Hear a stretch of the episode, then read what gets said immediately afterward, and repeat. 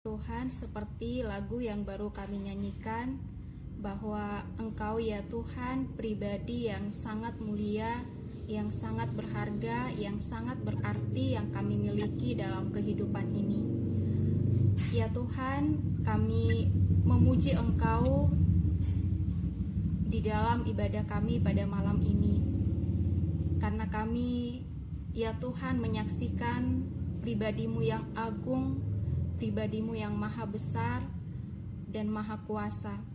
Engkau yang telah menjadikan masing-masing kami pribadi lepas pribadi sebagaimana adanya diri kami saat ini.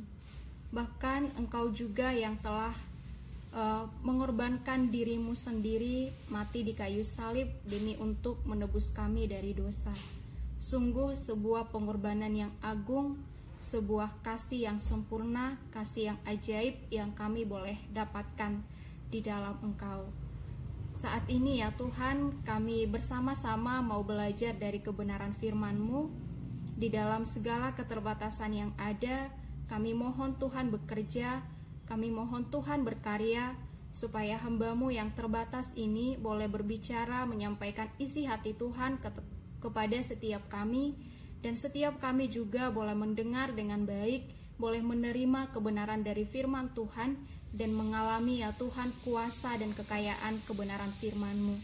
Mohon ya Tuhan Engkau yang boleh berotoritas di dalam setiap alat fasilitas yang kami pakai supaya semuanya boleh mendukung keberlangsungan pemberitaan firman Tuhan dan juga seluruh ibadah ini.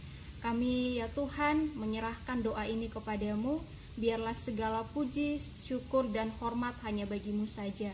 Ini doa kami Tuhan, sempurnakanlah di dalam dan melalui Yesus Kristus kami telah berdoa. Amin. Selamat malam teman-teman. Eh, teman-teman, uh, uh, suara saya jelaskah kedengaran? Yes. Jelas kak. Oh ya, terima kasih ya. Nanti kalau misalkan kak. ada nggak jelas atau suaranya hilang, boleh langsung dikasih tahu ya. Nah, teman-teman, kalau kita lihat dari uh, tema ibadah kita malam ini yaitu uh, time for God, waktu untuk Tuhan. Tapi sebenarnya kita bukan mau bahas tentang apa sih itu waktu, bagaimana mengelola waktu, bukan ya. Tapi dari tujuan sasaran dan juga ayat firman Tuhan yang mau kita gali lebih berbicara kepada uh, relasi kita dengan Tuhan. Ya, bagaimana waktu yang Tuhan berikan bagi kita untuk boleh hidup di tengah-tengah dunia ini kita pergunakan, kita jalani dengan berrelasi uh, dekat dengan Tuhan. Kira-kira seperti itu. Nah, teman-teman pernah lihat burung gereja? Mungkin eh, rata-rata uh, pernah lihat ya burung gereja. Burung gereja itu kayak mana sih? Uh, kecil, ada sayapnya, ada kakinya, ada matanya, ya hampir sama lah seperti burung-burung biasanya gitu.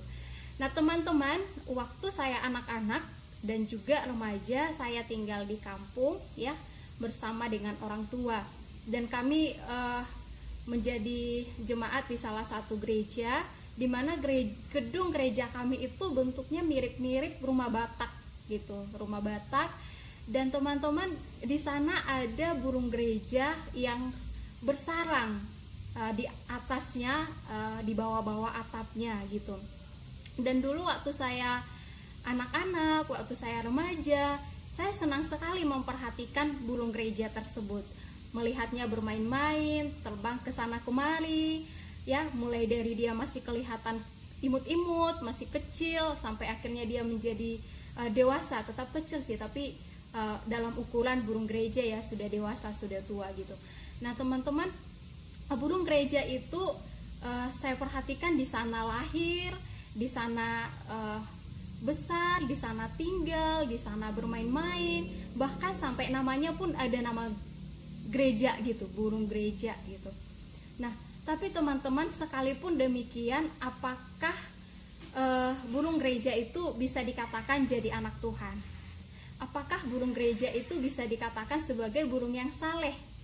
Karena dia tinggal di gereja, beraktivitas di gereja, namanya juga ada gereja-gerejanya gitu. Apakah jadi bisa dikatakan oh itu burung gereja itu itu soleha banget gitu, itu uh, sangat uh, saleh, itu anak Tuhan gitu. Nah uh, tidak ya teman-teman. Nah bagaimana dengan kita?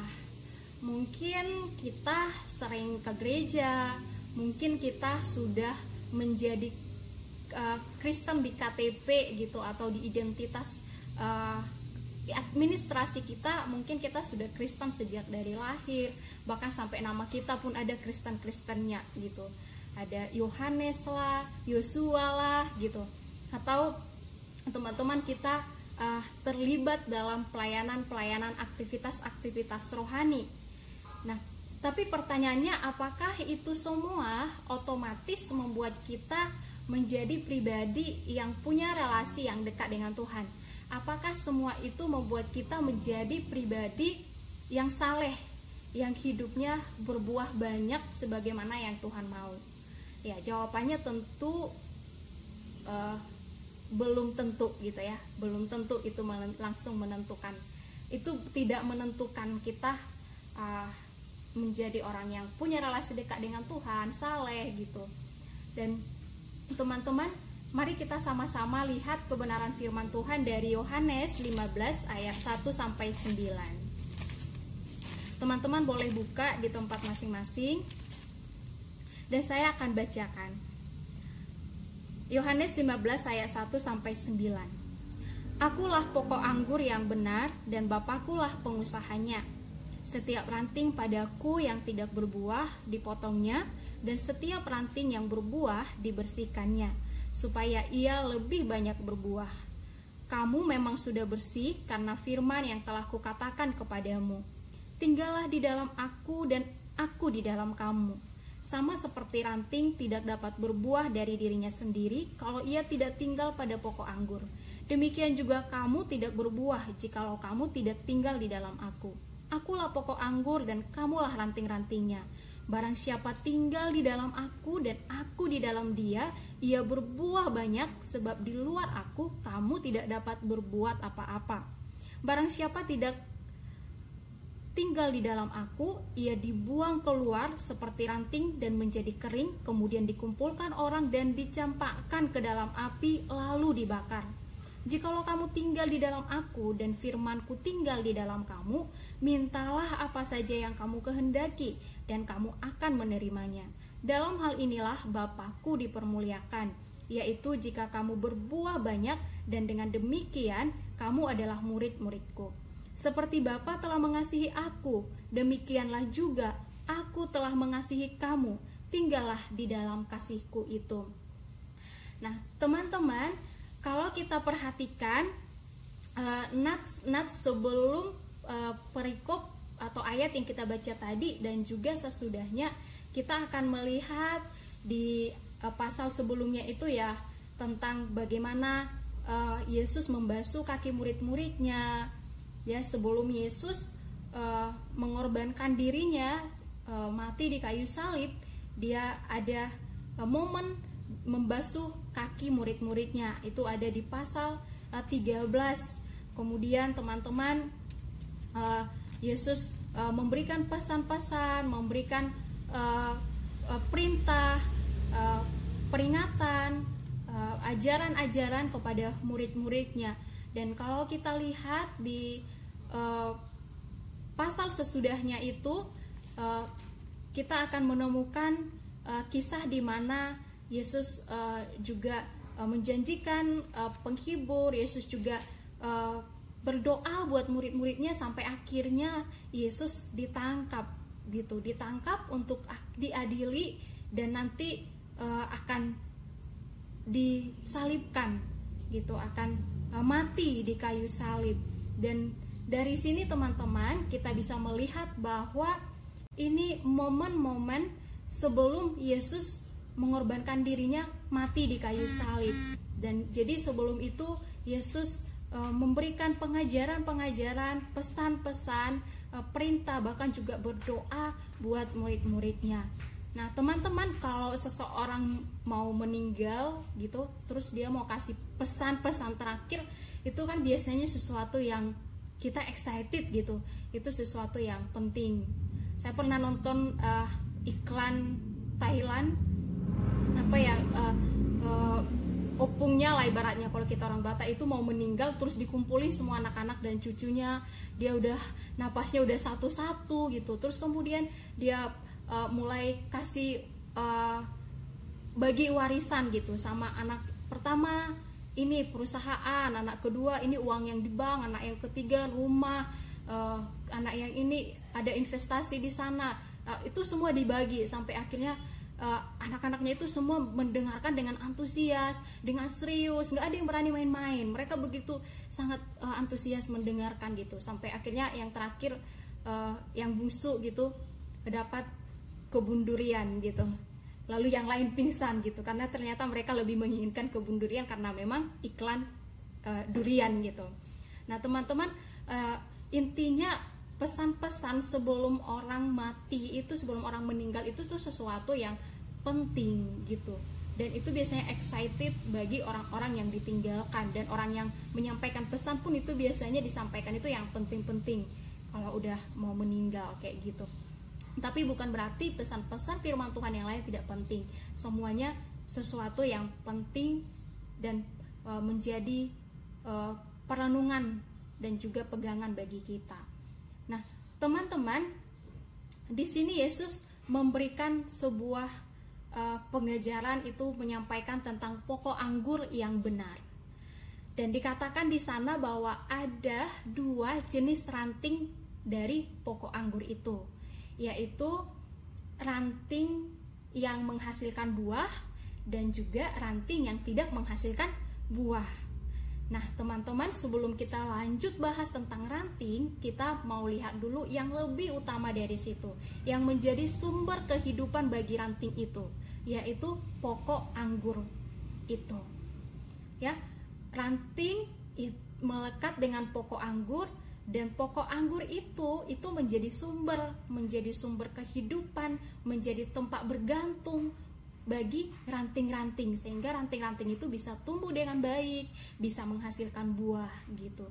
Dan e, itu teman-teman kalau kita lihat di sini pokok anggur itu diibaratkan sebagai e, Kristus.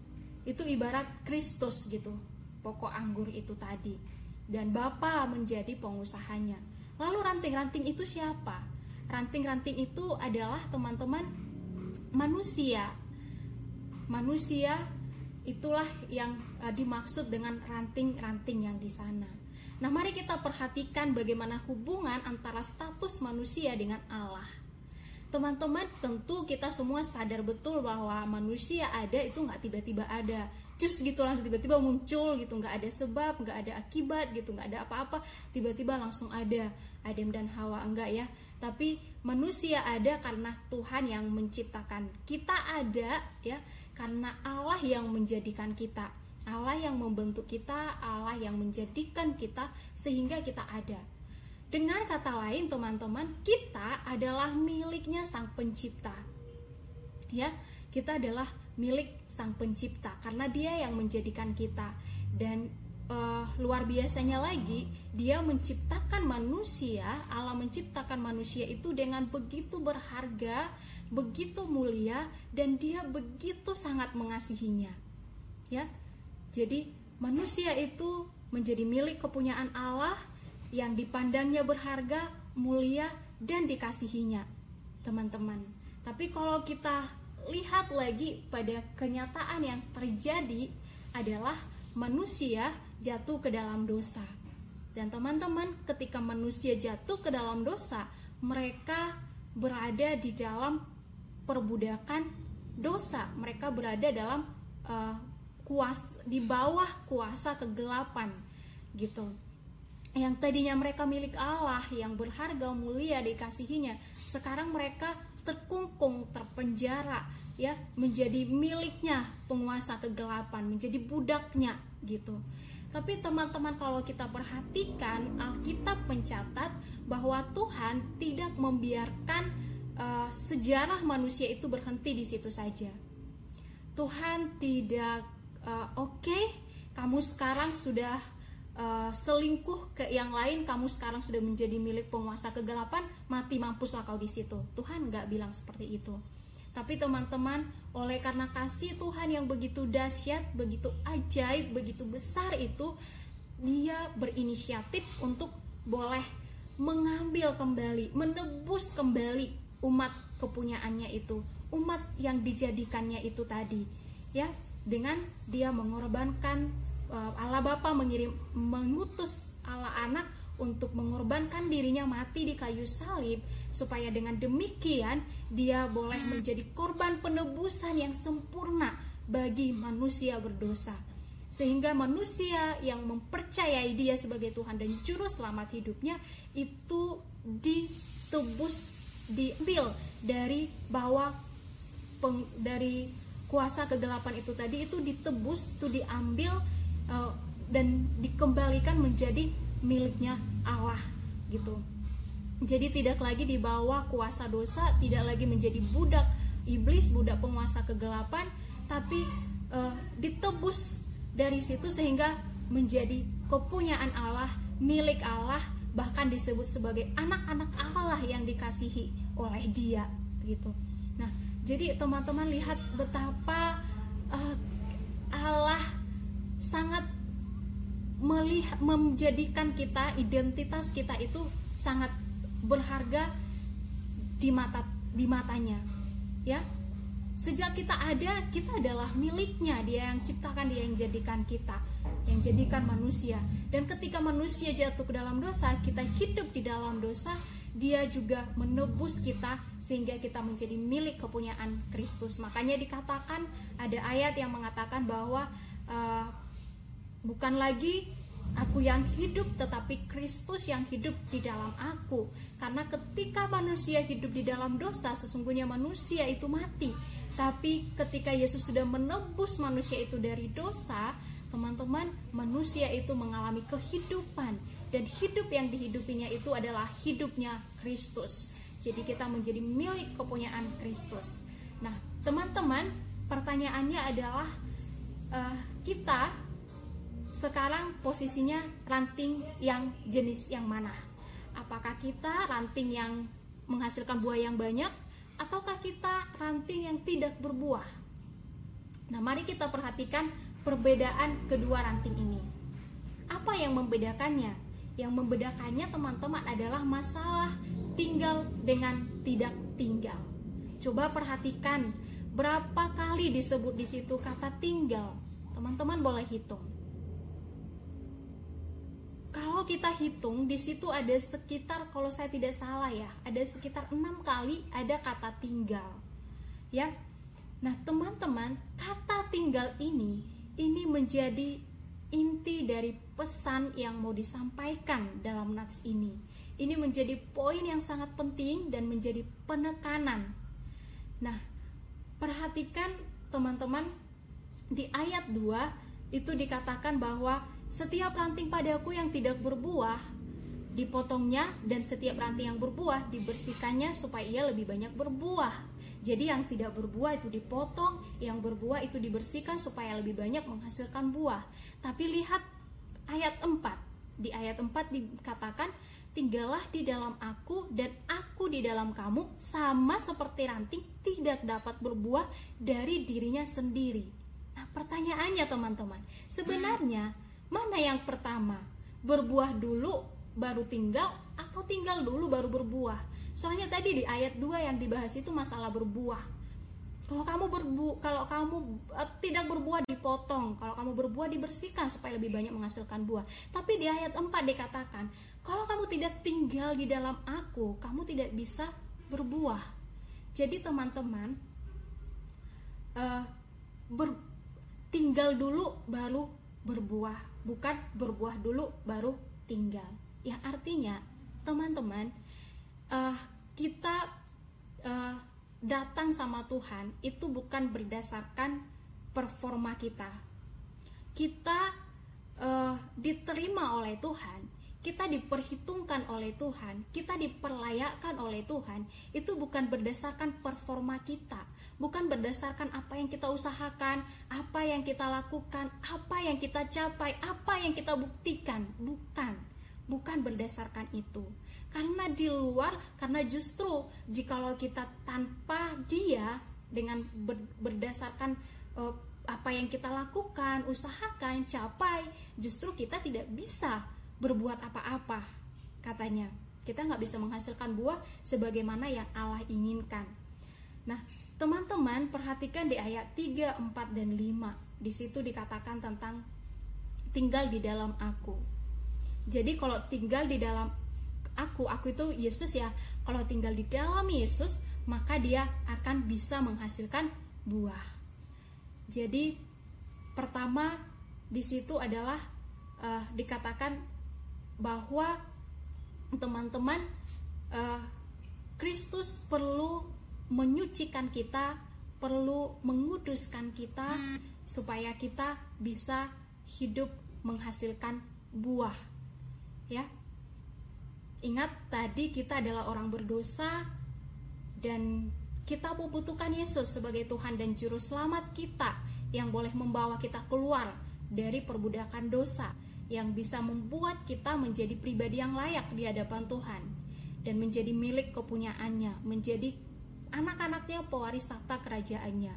Jadi teman-teman, kita terlebih dahulu harus dibersihkan oleh Kristus, oleh darah Kristus. Dengan bagaimana? Tentu dengan kita mengimani Kristus sebagai satu-satunya Tuhan dan juru selamat hidup kita. Ya, yang sudah menyelamatkan, mengampuni, menubus kita jadi bukan datang dengan mengandalkan apa yang bisa aku lakukan, apa yang aku capai, pembuktian-pembuktian kita tidak, tapi kita datang kepada Allah dengan mengandalkan apa yang Kristus telah lakukan, apa yang Kristus telah capai, apa yang Kristus telah berikan. Gitu. Itulah yang menjadi andalan kita, teman-teman. Dan kita tahu bahwa itu semua kita dapatkan dengan beriman kepada Tuhan. Jadi tidak ada sama sekali di situ hasil performa kita. Itulah tinggal. Ketika kita sudah tinggal seperti itu, Kristus kita terima dalam hidup kita sehingga kita ada di dalam Dia, Dia di dalam kita, maka dengan demikianlah teman-teman kita bisa menghasilkan buah. Ya. Tanpa itu kita tidak bisa menghasilkan buah seperti yang Tuhan harapkan. Dan teman-teman kemudian dikatakan bahwa ketika kamu sudah tinggal di dalam dia dan kamu menghasilkan buah, kamu akan dibersihkan. Supaya apa? Supaya lebih banyak lagi menghasilkan buah. Nah, bersihkan yang di sini teman-teman berbicara tentang bagaimana Tuhan uh, ketika kita sudah menerima Kristus, Kristus ada di dalam kita, kita di dalam Dia. Lalu kemudian bagaimana kita terus dibentuk menjadi pribadi yang bertumbuh menjadi pribadi yang terus-menerus belajar menghasilkan buah-buah yang Tuhan inginkan. Ya, dan proses ini tentu terjadi di dalam seluruh aspek hidup kita. Hal ini terjadi dalam keseharian hidup kita. Jadi teman-teman tadi satu, hubungan pribadi dengan Tuhan boleh ada bukan berdasarkan performa kita, bukan berdasarkan usaha kita, bukan berdasarkan capaian kita, tapi berdasarkan apa yang Kristus telah lakukan, capai dan berikan, anugerahkan bagi kita. Baru yang kedua, hubungan pribadi dengan Tuhan itu itu bukan berhenti di satu momen-momen tertentu, tapi hubungan pribadi dengan Tuhan itu mesti terjadi dalam seluruh aspek hidup kita dan dalam setiap detik di hidup kita itu semua hubungan harus ada hubungan pribadi dengan Tuhan. Jadi bukan seperti ini ya teman-teman. Kalau ditanya HBDT HBDT seperti apa? Kita yang langsung mikir itu oh aku saat teduh 8 kali dalam seminggu. BR 10 kali bayangin satu hari itu 2-3 kali gitu. 5 pasal lagi. Uh, aku PA uh, sekali sebulan. Aku puasa tiga kali uh, seminggu misalkan. Ini orangnya luar biasa kali ya. Nah teman-teman HPDT nggak hanya bicara itu. HPDT itu berbicara tentang bagaimana dalam seluruh aspek hidup kita, kita connect dengan Tuhan, kita punya relasi dengan Tuhan, kita punya hubungan dengan Tuhan, dan Tuhan juga membentuk kita di dalam keseluruhan aspek hidup kita, dalam keseharian kita, kita dibentuk. Lewat kita mengalami pergumulan, teman-teman kita dibentuk di situ untuk bertumbuh dan menghasilkan buah. Dalam kita mengalami keberhasilan di dalam kita menjalani keseharian kita. Itu makanya teman-teman penting sekali dalam menjalani hidup sehari-hari kita terus belajar untuk mengasihi Tuhan, mengingat Tuhan, melibatkan Tuhan, bergantung kepada Tuhan, percaya kepada Tuhan, menghormati Tuhan, mentaati Tuhan. Kenapa? Iya, karena hubungan pribadi dengan Tuhan itu semua di seluruh aspek hidup kita dan dalam setiap detik hidup kita, teman-teman. Itu perlu kita sadari supaya tidak salah-salah karena kadang adik-adik mahasiswa ini pikirnya kalau hubungan pribadi dengan Tuhan itu cuma saat teduh, cuma BR, cuma PA, itu aja. Enggak ya, teman-teman. Dan tapi seluruh hidup kita, kita perlu terus connect dengan Tuhan. Dan Tuhan juga membentuk kita di lewat setiap perjalanan hidup yang kita jalani. Lalu kemudian teman-teman selanjutnya ayat 7. Teman-teman boleh perhatikan ya. Dikatakan di situ jika kamu tinggal di dalam aku dan firmanku tinggal di dalam kamu. Nah, teman-teman uh, kita sudah tinggal di dalam Tuhan. Kita sudah menerima Yesus, kita tinggal dalam Dia, kita nggak mengandalkan performa kita, tapi kita mengandalkan Tuhan. Nah, teman-teman kita juga perlu mengizinkan firman Tuhan itu tinggal dalam hidup kita. Ya, sehingga melalui firman Tuhan yang tinggal di dalam hidup kita itu, pikiran kita, hati kita itu terus dibaharui. Bahkan juga cara hidup kita, nilai-nilai hidup kita, gaya hidup kita itu semuanya boleh ditransformasi oleh kebenaran firman Tuhan. Ya, dan teman-teman, kalau itu tidak terjadi, teman-teman, kita nggak bisa menghasilkan buah. Ya, firman Tuhan harus masuk dalam hidup kita. Kita harus menyatu dengan kebenaran firman Tuhan. Itu menjadi dasar, itu menjadi pondasi, itu menjadi pegangan dalam seluruh hidup kita. Ya, dan firman Tuhan itu kita izinkan untuk boleh mentransformasi, membentuk cara berpikir kita, membentuk cara kita merasa, hati kita, membentuk gaya hidup kita dan semuanya, teman-teman. Tujuan-tujuan hidup kita dibentuk oleh kebenaran firman Tuhan. Dengan demikian kita bisa menghasilkan buah yang banyak dan itulah yang Tuhan inginkan. Jadi kita tidak bisa uh, mengabaikan otoritas firman Tuhan di dalam kehidupan kita, teman-teman. Itu kita perlu izinkan tinggal di dalam hidup kita. Bagaimana teman-teman supaya firman itu bisa tinggal dalam hidup kita? Tentu perlu kita untuk bergaul akrab dengan firman Tuhan hari demi hari. Dan kita perlu mendisiplin diri kita untuk bersekutu, untuk mendengar firman Tuhan, untuk belajar firman Tuhan karena bagaimana firman Tuhan akan mentransformasi pikiran hati kita hidup kita kalau kita pun nggak tahu firman Tuhan apa. Gitu. Nggak pernah dengar nggak pernah renungkan nggak pernah ngalamin gitu bagaimana firman Tuhan yang kaya berkuasa itu. Nah jadi teman-teman perlu ada disiplin waktu-waktu yang kita berikan secara khusus bersekutu melalui kebenaran firman Tuhan. Seperti apa? Contohnya saat teduh teman-teman eh, mungkin di pagi atau malam hari kita membiasakan diri kita, melatih diri kita, mendisiplin diri kita untuk boleh baca firman Tuhan, renungkan, lalu juga uh, baca Alkitab secara sistematis, mungkin bisa di malam hari atau sesuai dengan waktu kita masing-masing ya. Tidak ada patokan harus ini itu, tapi disesuaikan dengan uh, kita keunikan kita masing-masing. Kita bisa baca Alkitab uh, firman Tuhan secara sistematis itu dari kejadian sampai wahyu. Tentu jangan satu hari kamu habiskan. Nanti bisa mampus ya kalau dalam satu hari dihabiskan semua. Nah kak bisa dicicil. Misalkan dua pasal satu hari atau satu pasal dulu. Satu dua pasal dua tiga pasal. Setiap hari rutin. Kita disiplin diri kita untuk membaca untuk merenungkannya lalu juga bisa melalui buku-buku rohani teman-teman yang membantu kita melihat kebenaran firman Tuhan itu dengan penafsiran-penafsiran yang mendalam ya memperkaya kita gitu. Kemudian juga melalui PA penggalian Alkitab secara pribadi ya di di rumah kita atau uh, di mana pun kita mau berPA juga teman-teman uh, di dalam KTB di dalam KTB kan kita ada PA kita ada uh, belajar bersama-sama akan firman Tuhan. Nah itu bisa menjadi sarana. Lalu kemudian juga uh, kita bisa dengar firman Tuhan dari ibadah seperti saat ini atau mungkin pada saat kita sendiri ya daripada kita cuma nonton uh, atau ikutin Instagram artis-artis yang uh, sebenarnya tidak terlalu banyak mungkin bisa menyegarkan gitu. Tapi untuk membangun kita membentuk kita itu nggak nggak nggak banyak gitu. Bahkan mungkin bisa jadi membuat kita makin salah-salah konsepnya termasuk konsep suksesnya. Ya mungkin kita bisa sediakan waktu kita juga untuk mendengar firman Tuhan. Saat ini kan sudah banyak sekali.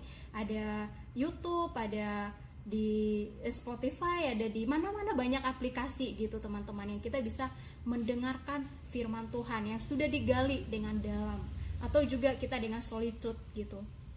Uh, membaca firman Tuhan berdiam mendengarkan Tuhan berbicara melalui firmannya.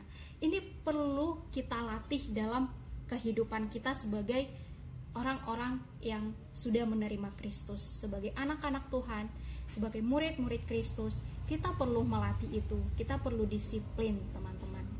Ya karena uh, pada saat momen-momen itulah kita menggali kebenaran firman itu kita dibaharui dan itu menjadi pegangan kita menjalani keseharian hidup kita.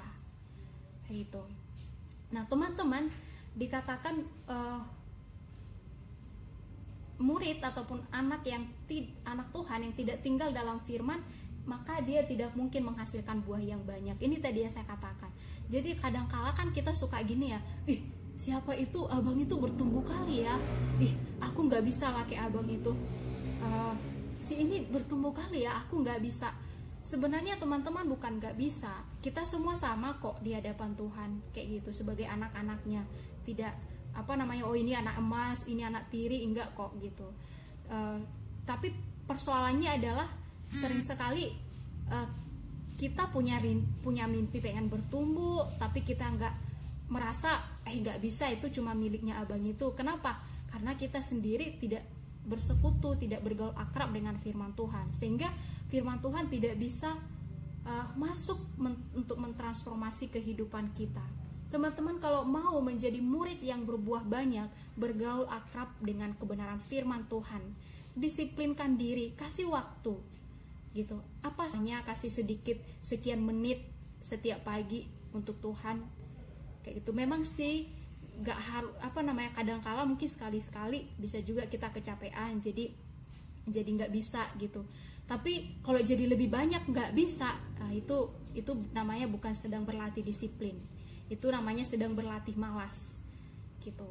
Jadi teman-teman belajar mendisiplin diri itu akan sangat menolong kita. Bagi saya secara pribadi uh, itu jadi makanan yang uh, sangat dibutuhkan bagi pertumbuhan saya gitu. Makanya selalu berusaha Alkitab udah letakkan di tempat dekat tempat tidur atau di tempat tidur. Jadi bangun usahakan untuk membaca tidur juga usahakan untuk membaca kayak gitu. E, berjuang gitu. Bukan supaya Tuhan nerima aku bukan. Tapi karena aku tahu aku sudah diterima aku sudah diperhitungkan dan Tuhan ada di pihakku. Karena aku tahu itu makanya aku harus bergaul akrab dengan dia. Dan aku butuh itu. Aku butuh firman Tuhan aku butuh Tuhan gitu untuk aku boleh menjalani kehidupan sebagai seorang murid di tengah dunia ini karena di luar daripada dia kita tidak bisa berbuat apa-apa ya kemudian uh, teman-teman dikatakan juga di ayat 7 itu mintalah apa saja yang kamu kadaki dan kamu akan menerimanya. Nah, ini berbicara tentang doa. Ya. Teman-teman, doa itu adalah sebuah hak istimewa. Doa itu adalah sebuah anugerah yang berharga bagi orang percaya. Teman-teman, Tuhan kasih kita ini loh, maksudnya Tuhan kasih kita itu anugerah, Tuhan kasih kita itu hak untuk uh, bisa uh, apa ya berkomunikasi dengan Dia, bisa ngomong sama Tuhan, bisa dengerin Tuhan melalui doa, gitu. Jadi jangan kita sia-siakan apa yang sangat berharga yang sudah dipercayakan dianugerahkan sama kita teman-teman uh, tadinya waktu kita masih di dalam dosa hidup di dalam dosa kita kan tidak uh, kita terpisah lah dari Allah. Hubungan kita terpisah dari Allah. Tapi ketika Kristus telah menebus kita hidup hubungan kita kan diperdamaikan. Dan kita teman-teman dikatakan dapat memanggil Allah sebagai Bapa. Ya, Dia adalah Bapa kita. Dan dia dan kita bisa berdoa kepada Dia, bisa curhat, bisa meminta sesuatu, bisa menyatakan sesuatu kepada Dia lewat doa-doa kita. Teman-teman, uh, saya punya cerita tentang waktu saya mahasiswa gitu. Saya uh, waktu itu mau ada kebutuhan-kebutuhan khususnya kebutuhan-kebutuhan dana untuk keperluan kuliah saya uh, kalau nelpon orang tua kalau masalah dana itu ngomongnya ke mama gitu mak aku butuh ini mak butuh ini itu waktu mahasiswa-mahasiswa baru sampai akhirnya suatu saat teman-teman bapak kami itu bapakku gitu dia uh, komplain uh, dia bilang dia kecewa karena uh, kenapa aku uh, sebagai putrinya tidak menyampaikan kebutuhanku kepada dia. Sementara dia adalah bapakku dan sebagai bapak dia sangat ingin untuk mendengarkan aku untuk tahu apa yang kubutuhkan untuk berusaha untuk berjuang mencukupi apa yang kubutuhkan karena itu naluri dia sebagai seorang bapak gitu nah teman-teman saya membawakan kepada Tuhan gitu Allah yang adalah Bapa kita.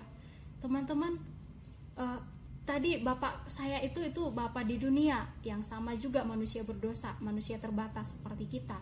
Apalagi lah Bapa di sorga yang adalah Allah gitu. Allah yang sungguh amat baik. Tentu teman-teman dia sangat rindu mendengarkan kita berbicara dengannya.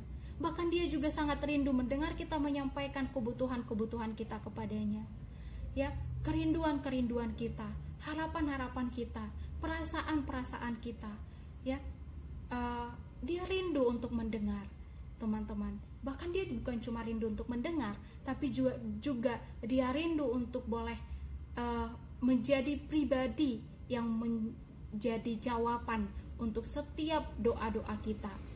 Dia mau, dia rindu untuk menjawab setiap doa kita, bahkan dia uh, memberikan gitu merencanakan yang terbaik untuk kita anak-anaknya jadi teman-teman berdoa itu sesuatu yang sangat uh, hak yang sangat istimewa yang kita dapatkan uh, maka belajar sebagai anak Tuhan jangan uh, sungkan untuk berdoa sama Tuhan dan jangan juga uh, men, tidak mau memberi waktu berdoa sama Tuhan ngobrol sama Tuhan itu penting sekali.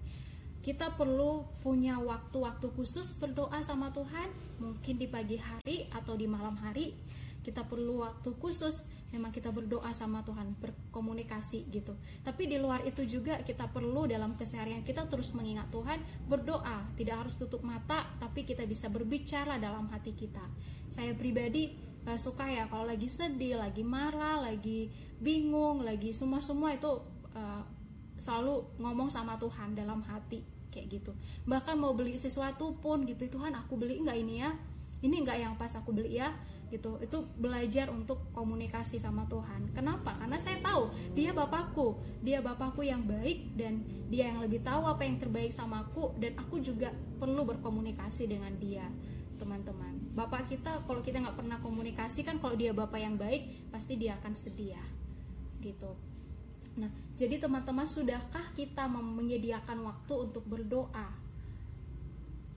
Semakin banyak melakukan sesuatu maka harusnya kita semakin banyak berdoa. Jadi bukan sebaliknya. Jadi kita kita suka bilang ya yo aku sibuk studi aku sibuk pelayanan aku sibuk ini jadi nggak ada waktu untuk berdoa. Saya pernah dengar kalau nggak salah Martin Luther yang mengatakan semakin banyak melakukan sesuatu mestinya semakin banyak berdoa. Dan saya pikir ini benar. Karena di luar daripada dia kita nggak bisa berbuat apa-apa jadi seharusnya semakin banyak tanggung jawab semakin banyak yang harus kita lakukan justru kita semakin datang sama Tuhan semakin banyak berdoanya gitu. Karena di luar dia kita nggak bisa berbuat apa-apa. Uh, kemudian teman-teman uh, Billy Graham pernah bilang seperti ini sorga penuh dengan jawaban doa namun tidak ada yang mau berdoa. Tragis ya.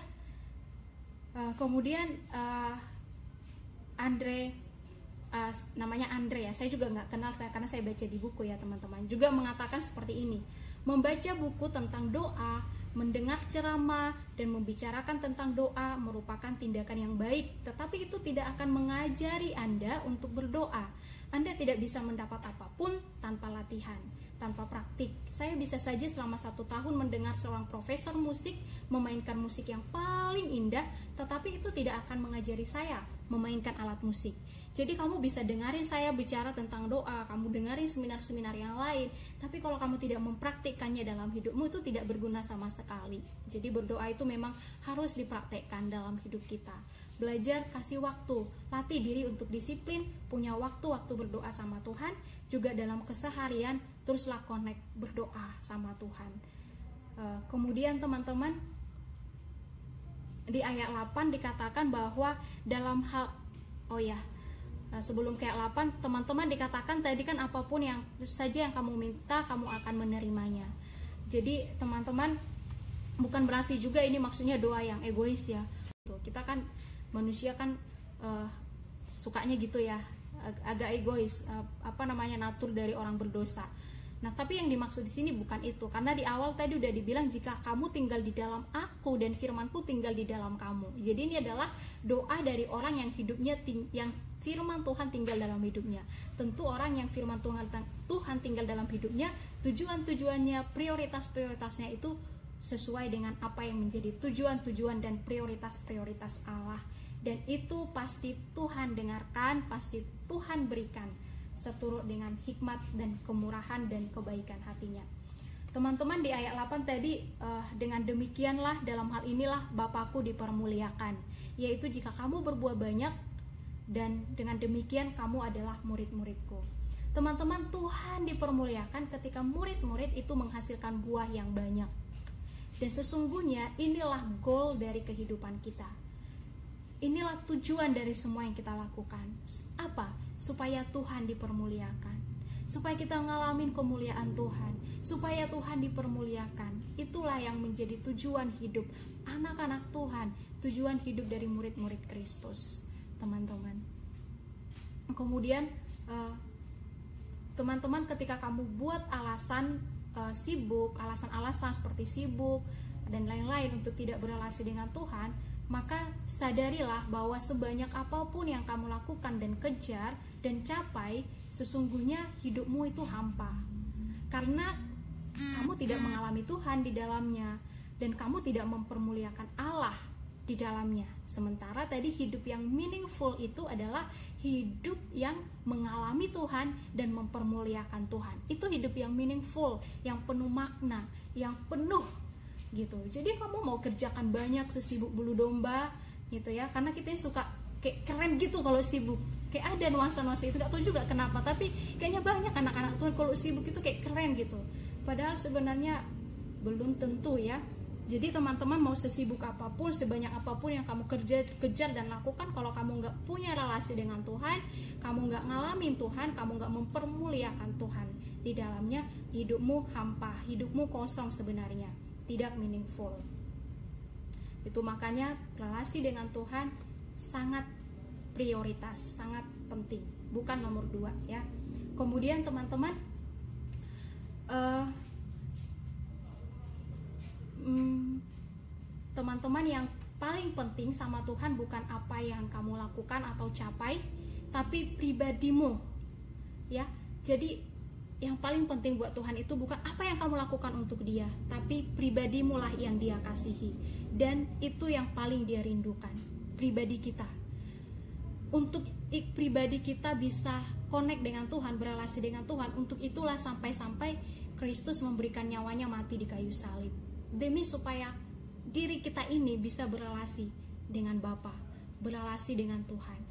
Jadi teman-teman, uh, kalau Tuhan sedemikian merindukan berrelasi dengan kita sampai dia mengorbankan anaknya yang tunggal demi untuk bisa berrelasi dengan kita, maka teman-teman sungguh alangkah tragis jikalau kita tidak meresponi itu, ya, tidak mempedulikan itu.